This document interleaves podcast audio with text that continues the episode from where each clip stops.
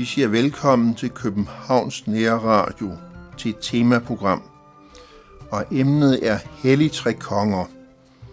Og som gæst har jeg inviteret Arne Kappelgaard, tidligere sovnepræst ved Kingus Kirke på Nørrebro. Jeg tror faktisk, det er 20. gang, at Arne er min gæst.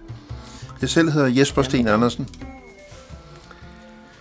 Jamen, tak fordi jeg kan komme her. Og vi må hellere komme ind på, på emnet, og det er jo så Hellig Tre Kongers Dag. Ja, den har jo været fejret helt fra øh, 200-tallet, den 6. januar. Øh, det har været lidt forskelligt, hvad man har lagt i den. Øh, epifani bliver også brugt om den dag. Det vil sige manifestation, altså manifestationen af Guds herlighed. Det er et meget specielt kirkeligt ord, synes jeg nok. Det må være græsk. Ja, det er det. Øh, det bliver brugt i mange andre kirker end den danske. Men øh, hvad det egentlig er, der åbenbart Guds herlighed, jamen det er blevet lidt forskelligt i forskellige traditioner. I Østen, der har man en tid fejret Jesu fødsel. Det gør man faktisk stadigvæk i de østlige kirker. Det har også været Jesu dåb. Og øh, det gør, at øh, derovre, hvor man velsigner dåbsvandet, det gør man nemlig på den dag. Stadigvæk. Jeg lige indskyde en, en, en bemærkning. Jeg har faktisk også læst teologi, det vil sige, jeg har også læst gammel græsk. Det er jo gammel græsk, vi taler om. Jeg har faktisk læst både det gamle og det nye testamente på græsk.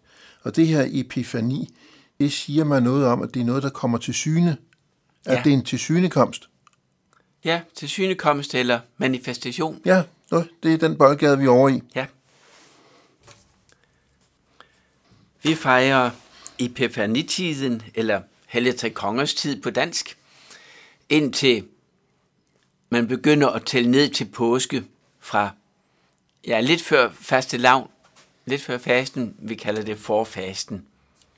Så øh, det kan variere, om det er nogen bare et par uger, eller om det er helt op til seks uger. Men øh, da vi er så tæt på nytår, så tænkte jeg, at vi skulle begynde med den kendte nytårssalme. Vær velkommen Herrens år i nytårsudgaven. Og jeg kan se det med Københavns drengekor.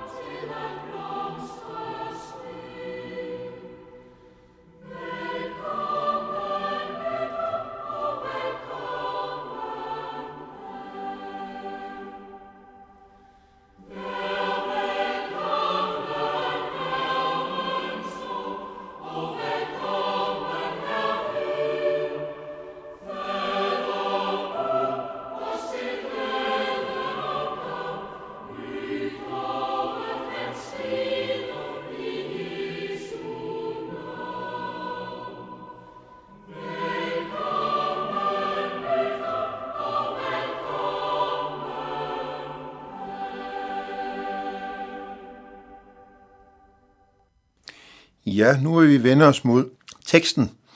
Og øh, som overskrift her på denne her side, så står der Matteus evangeliet. Og hvis der er nogen, der skulle have lyst til at læse teksten, så kan jeg se det i side 859 i den autoriserede udgave. Og det er Matthæus kapitel 2, vers 1-12, vi skal læse, og overskriften er De vise mænd. Da Jesus var født i Bethlehem i Judæa i kong Herodes dage, se, der kom der nogle vise mænd fra Østerland til Jerusalem og spurgte, hvor er jødernes nyfødte konge? For vi har set hans stjerne gå op og er kommet for at tilbede ham. Da kong Herodes hørte det, blev han forfærdet, og hele Jerusalem med ham. Og han sammenkaldte alle ypperste præsterne og folkets skriftkloge og spurgte dem, hvor Kristus skulle fødes. De svarede ham, i Bethlehem i Judæa. For således er der skrevet ved profeten, du Bethlehem i Judas land. Du er på ingen måde den mindste blandt Judas fyrster. Fra dig skal der udgå en hersker, som skal vogte mit folk Israel. Så tilkaldte Herodes i al hemmelighed de vise mænd og forhørte dem indgående om, hvornår stjernen havde vist sig. Og han sendte dem til Bethlehem og sagde, Gå hen og spørg jer nøje for om barnet, og når I har fundet det, så giv mig besked, for at også jeg kan komme og tilbede det. Da de havde, da de havde hørt på kongen, tog de afsted og se stjernen, som de havde set gå op, gik foran dem, indtil den stod stille over det sted, hvor barnet var. Da de så stjernen, var deres glæde meget stor og de gik ind i huset og så barnet hos dets mor Maria. Og de faldt ned og tilbad det, og de åbnede for deres gemmer og frembar gaver til det, guld, røgelse og myre. Men i drømme fik de en åbenbaring om ikke at tage tilbage til Herodes, og de vendte hjem til deres land af en anden vej. Amen.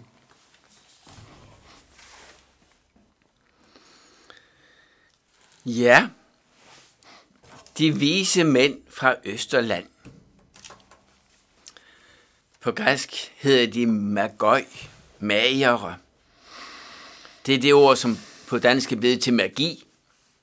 Men det betød oprindeligt simpelthen persiske præster – Øh, Vi er altså ikke det, over i det okulte, så? Altså, magi nej, det er sådan lidt tvivlsomt.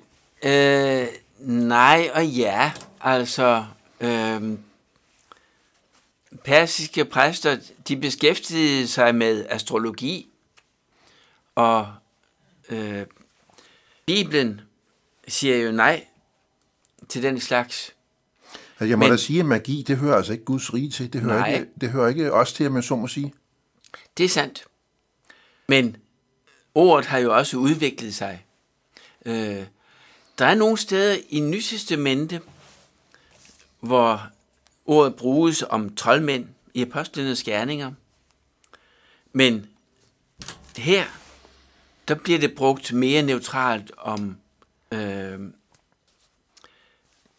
Ja, måske om persiske præster. Men de siger, at magøj, det er sådan, de, de, de lærte, de uddannede akademikerne, så at sige.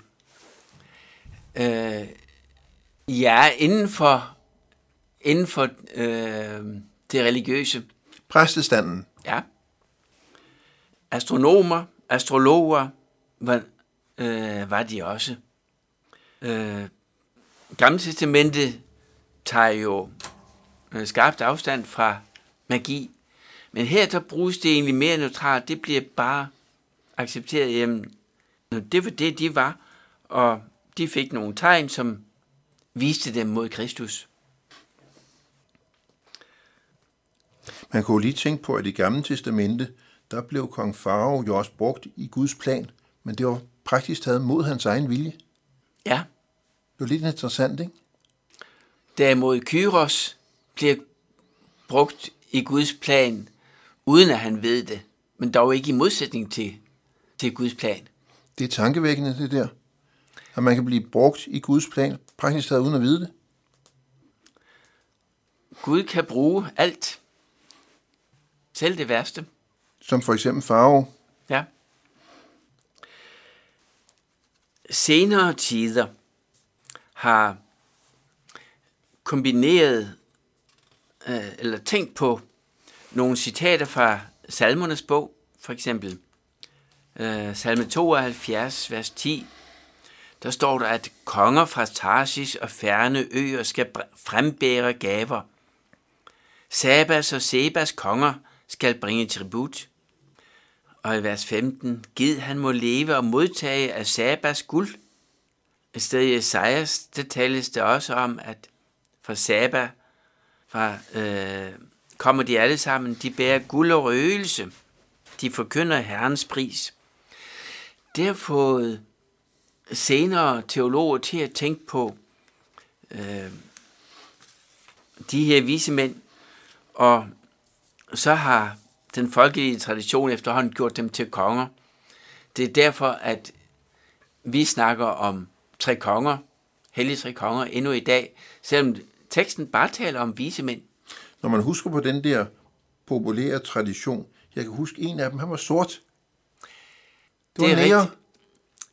Helt op i, vi skal helt op i 700-tallet, før man har øh, den her forestilling om de tre. Der står slet ikke noget i teksten om, at det er tre. Og at de får navn. Kasper og Melchior og Balthasar. Og Kasper er en ung mand, Melchior er en moden mand, og Balthasar er en gammel mand. Og der er det Kasper, som så også bliver gjort til afrikaner i det, man forestiller sig, at de kommer fra alle verdens hjørner. Øh, Ja, det var lidt påfaldende, at den ene, så, den ene af dem så forbløffende sort ud i, i hovedet, når, når man så billederne eller afbildninger af det. Ja, men det er så altså øh, mange senere, århundreder mange, senere. Ja, det er, senere afbildninger, det er klar over. Og det skal symbolisere verdensmissionen, siger du? Det giver jo anledning til at tænke over, at hele verden skal komme og tilbede Kristus. Og det er igen blevet øh, en anledning til at øh, fejre og tænke på, at evangeliet skal nå ud i hele verden med verdens mission. Der kunne jeg da godt lige tilføje, når jeg sidder, sidder her med Arne Kappelgaard. Vi havde jo en fælles fortid i det internationale arbejde i Kristeligt Forbund for Studerende, og der knyttede jeg personligt til ved International Student Center, og jeg har inviteret mange, mange, mange stipendiater som kom til International Student Center fra hele verden, og det var også en broget forsamling. Gule og sorte og jeg ved ikke hvad. Ja. Mange e- forskellige mennesker. Efter at jeg med min kone for seks år siden var i Libanon, så er vi jo især blevet noget optaget af de østlige kirker, som vi ikke ved ret meget om i vores tradition, og ikke lært ret meget om i teologi, kirkehistorie. Men i 700-tallet, der var en tredjedel af de kristne faktisk i de kirker, som er øst for Jerusalem. Altså i gamle dage, der lavede jeg decideret ekskursioner for International Student Center, og så brugte jeg jo lejligheden til at invitere udenlandske stipendiater. For eksempel havde jeg en hel gruppe indre på besøg i min lejlighed – og tænk så, jeg var den eneste dansker, der havde inviteret dem hjem privat, ellers sad de på et hotel. Det undrer mig egentlig ikke. Øh, der er så mange udlændinge, som aldrig rigtig når ind bag vores gadedør. Det var lidt slående. Jeg sad der med, jeg ved ikke, hvor mange indre, 10 eller 12. Jeg var den eneste, ja. der havde inviteret dem, ellers sad de på hotellet. Det, det er jo skam til os alle sammen, at sådan går det lidt. Nu var de, de, de var inviteret som gruppe, og de skulle på et kursus heroppe, og det havde selvfølgelig en begrænset varighed, men alligevel. Ja. Er vi derhen, hvor vi skal have et stykke musik mere? Ja, må ikke. Og hvad skal vi lytte til? Skulle vi ikke have dejligt af den himmelblå? Og det er som uh, radiopigekoret.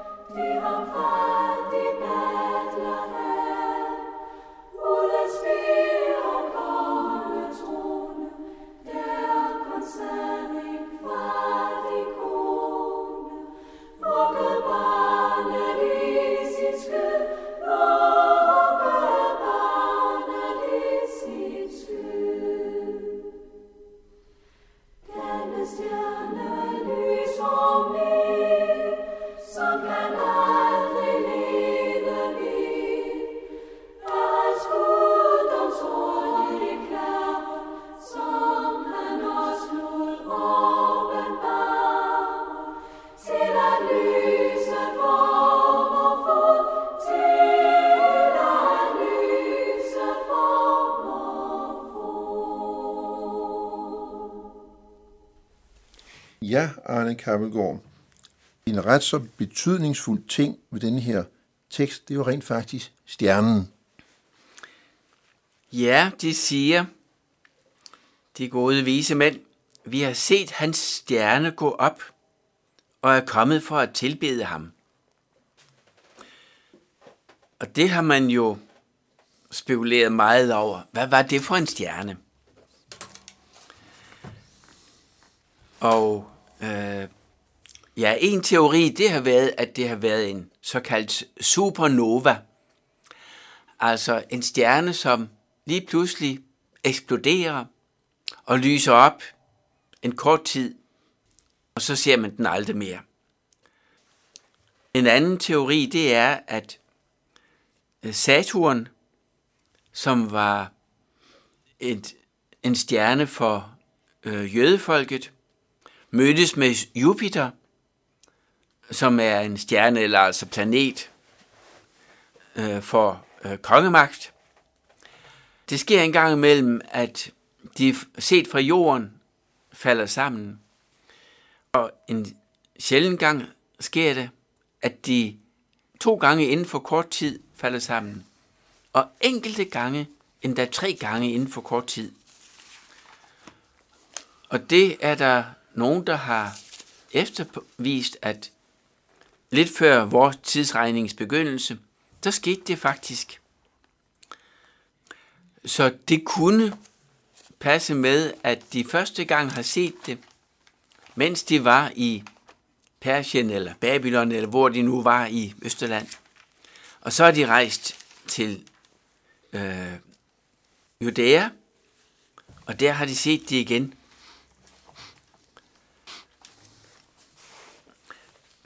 Senere, der læser vi om, at øh, da de var på vej til Bethlehem, så så de stjernen igen.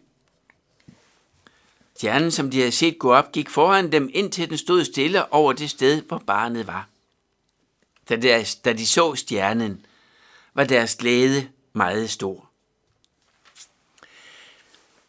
Der var forestillinger om en ledestjerne, som kunne vise vej.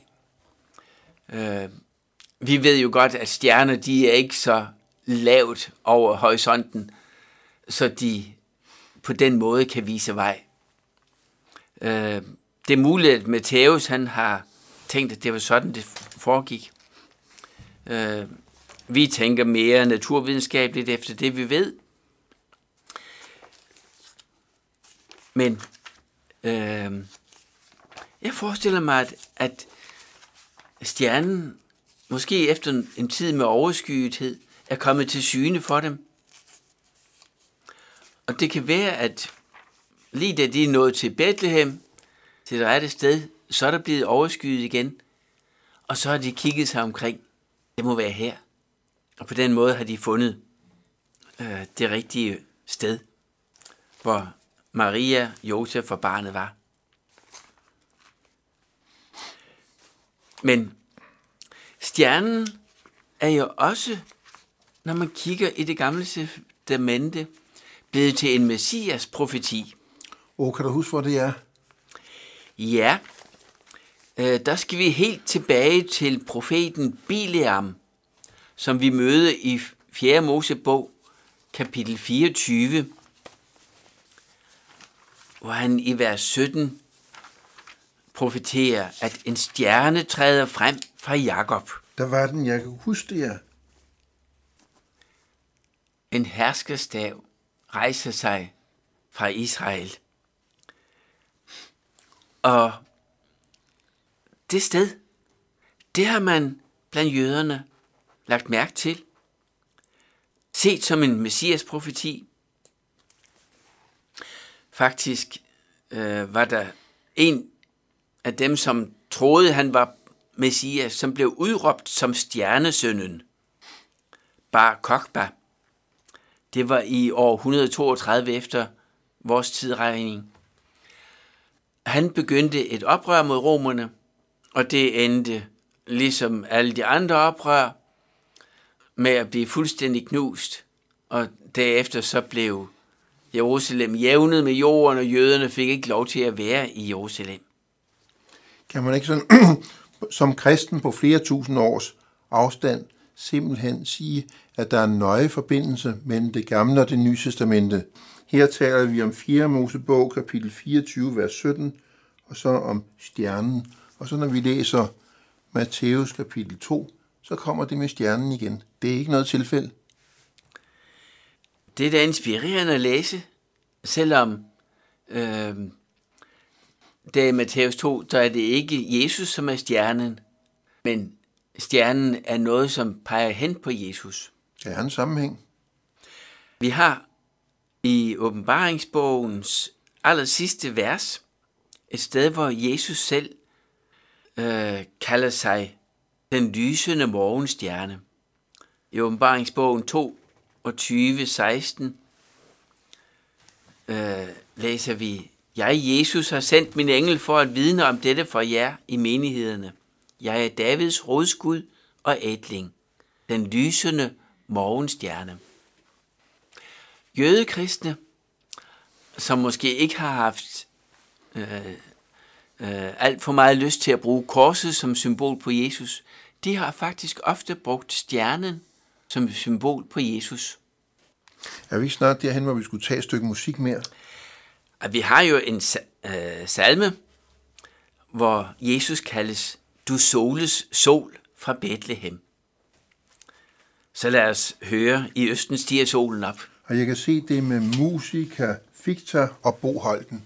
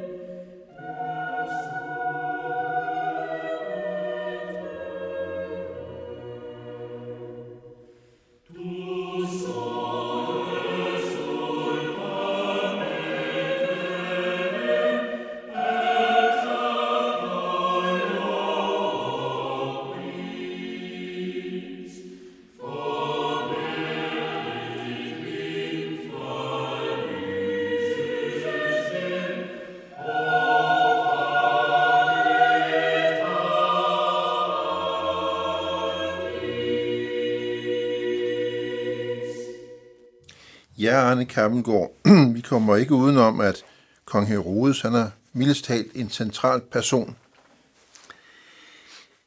Ja, de vise mænd, som skulle søge en konge i Judæa, de går jo til den nuværende konge i Judæa for at høre, hvor er han? Ham vi skal tilbede. Og så havner de hos kong Herodes.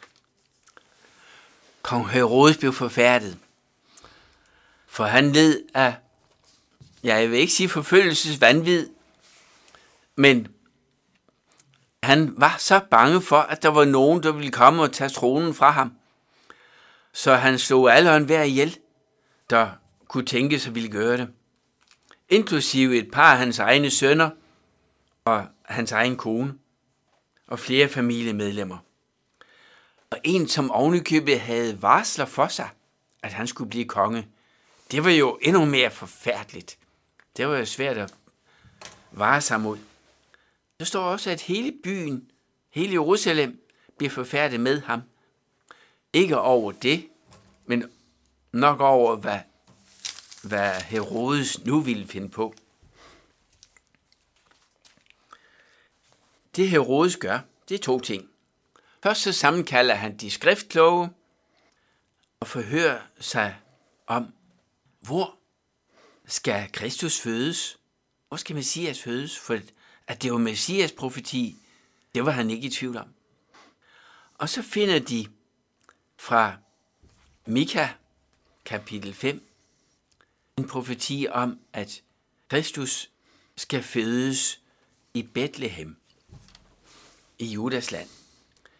Nå, så kalder han hemmeligt på de øh, vise mænd, lave et hemmeligt møde for dem, for han skal jo ikke røbe sine planer for meget, og lad ikke for mange gætte, hvad det er, der er hans planer. Han fortæller dem, find ham i Bethlehem, og kom så og fortæl mig, så kan jeg også komme og tilbede ham. Og han skal høre, hvornår så I stjernen. Kom og fortæl mig det bagefter. Øh, når han ville vide, hvornår de så stjernen, så var det vel for at vide, øh, hvornår cirka har fødslen været. Hvem er det, jeg skal gå efter? Og vismændene træsker afsted til Bethlehem, uden at snakke om aftalen med Herodes. Så når vi jo frem til det interessante. Så når, de, så når vismændene jo frem til barnet. Ja. Fyldt af forventning, fyldt af glæde. Og når de ovenikøbet ser stjernen igen, jamen så er forventningen helt i top. Hvordan de finder barnet, det ved vi ikke præcis, men lad det være deres hemmelighed. De gik ind i huset, så barnet hos dets mor, Maria, og de faldt ned og tilbad det. Undskyld, jeg spørger, er det normalt, sådan voksne mænd øh, smider sig ned og tilbeder en lille baby? Man kunne lægge sig næsegrus foran en konge, foran en guddom, øh, måske foran en, i hvert fald for, foran en, som man regner for meget større end sig selv. De har vel ikke tænkt på barnet som en guddom, men i hvert fald som en konge. Øh, men det var på den tid meget mere almindeligt end måden bare at gå hen og stikke en næve. Ret beset, det var jo en lille bitte en, der lige var kommet ud af mors mave. Ja, men værdigheden lå i personen, ikke i den kommende indflydelse, eller den nuværende indflydelse. De åbnede for deres gemmer og frembragte gaver til det. Guld, røgelse og myrra. Guld var jo en passende gave til et konge. Røgelse kan man tænke på som en passende gave til en præst. Røgelse er blevet brugt i, øh, i templer, i tilbedelse, gennem altid. Myrra, duftede. Den blev brugt som lægemiddel, også som bedøvelse. Den blev også brugt til salvning af lig. Og der har man jo tænkt, jamen, det er måske noget, som skal pege på Kristus både som konge og som den himmelske ypperste præst og som den, der skulle dø. Det er selvfølgelig en, øh, det er en from udlægning af de tre gaver. Skal vi ikke tage det sidste stykke musik nu? Altså rent tidsmæssigt vil det Ja. passe godt. Og det er så de hellige tre konger med Sankt Anne Pigekor. Det er jo en festlig øh, salme. De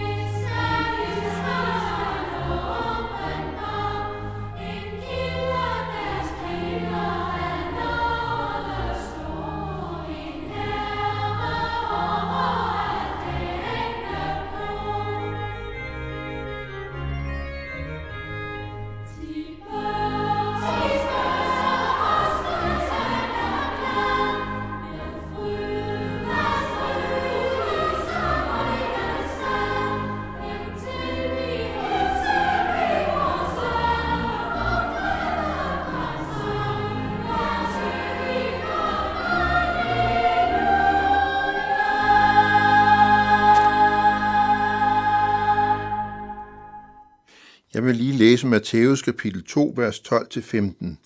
Men i drømme fik de en åbenbaring om ikke at tage tilbage til Herodes, og de vendte hjem til deres land af en anden vej. Da de var rejst, se, der viser Herrens engel sig en drøm for Josef og siger, Stå op, tag barnet og dets mor med dig og flygt til Ægypten, og bliv der indtil jeg siger til. For Herodes vil søge efter barnet for at slå det ihjel. Og han stod op, og mens det endnu var nat, tog han barnet og dets mor med sig og drog til Ægypten. Og der blev han, indtil Herodes var død, for at det skulle gå i opfyldes, op, for at det skulle opfyldes, som Herren har talt ved profeten, der siger, fra Ægypten kaldte jeg min søn. Ja, der var god grund til at lade være med at gå tilbage til Herodes. Spørgsmålet er, hvad vi så kan lære af de vise mænd. De bragte deres hyldest og gaver til det barn, de troede på, men ikke kendte. De har ikke fået nogen gevinst ved deres rejse. De har ikke fået nogen gode forbindelser. De har bare givet. Og med en lang rejse lagt hele deres liv ind i den hyldest. Det blev meningen med deres liv. Maria og Josef med deres barn har vel haft brug for guldet, da de snart efter blev flygtninge i Ægypten. Røgelse og myrra, tja, hvis de ikke havde solgt det, så har det i hvert fald styrket deres tillid til, at det var i Guds plan, så de frimodigt kunne gå, som han kaldte dem. Der er stadigvæk i vores tid brug for at bringe vores lovprisning til Gud. Som der står på et kort, jeg har derhjemme. Vise mænd søger ham stadig. De efterlader os med spørgsmål om, hvordan kan vi bringe vores rigdomme til Kristus, så han kan bruge dem, som han ser bedst. Guld, røgelse og myrra. Tja, hvis det er det bedste, vi har, så kan vi jo give det. Hvis det ikke er det, vi har, så må vi give ham af det, vi har. Rigdom måles ikke på, hvor meget vi ejer, men om vi har til at give. Den, der ingenting kan give, er fattig, selvom han er millionær. Den, der kan give, er rig, selvom han kun har lidt. Hvis rigdom er vores guld, så må vores røgelse være vores bønder, vores lovsang til Gud, vores tak til ham for livet, vores bibellæsning, gudstjeneste osv., hvor vi også åbner os for hans påvirkning af os. Eller så vores myra være en duft af Guds kærlighed, som vores medmennesker mærker hos os. Lad os sprede en duft af den kærlighed, som vi har modtaget fra ham, så mennesker mærker Guds barmhjertighed, kærlighed, fred og glæde igennem os. Nu skal vi til at runde af. Jeg kunne godt bidrage med en lille tanke til sidst. Vismændene, de kom med deres gaver, men der var også noget, de undgik, og det var kong Herodes. Og det synes jeg også, vi skal tænke over. Hvad er det, vi skal komme med, og hvad er det, vi skal undgå? Jeg siger tak til dig, Arne Kammelgaard, fordi du lagde vejen forbi Københavns Nærradiostudie. Tak til Jan Nørgaard, der sidder i teknikken, og jeg selv hedder Jesper Sten Andersen. Vi siger tak til lytterne, som er fulgt med indtil nu.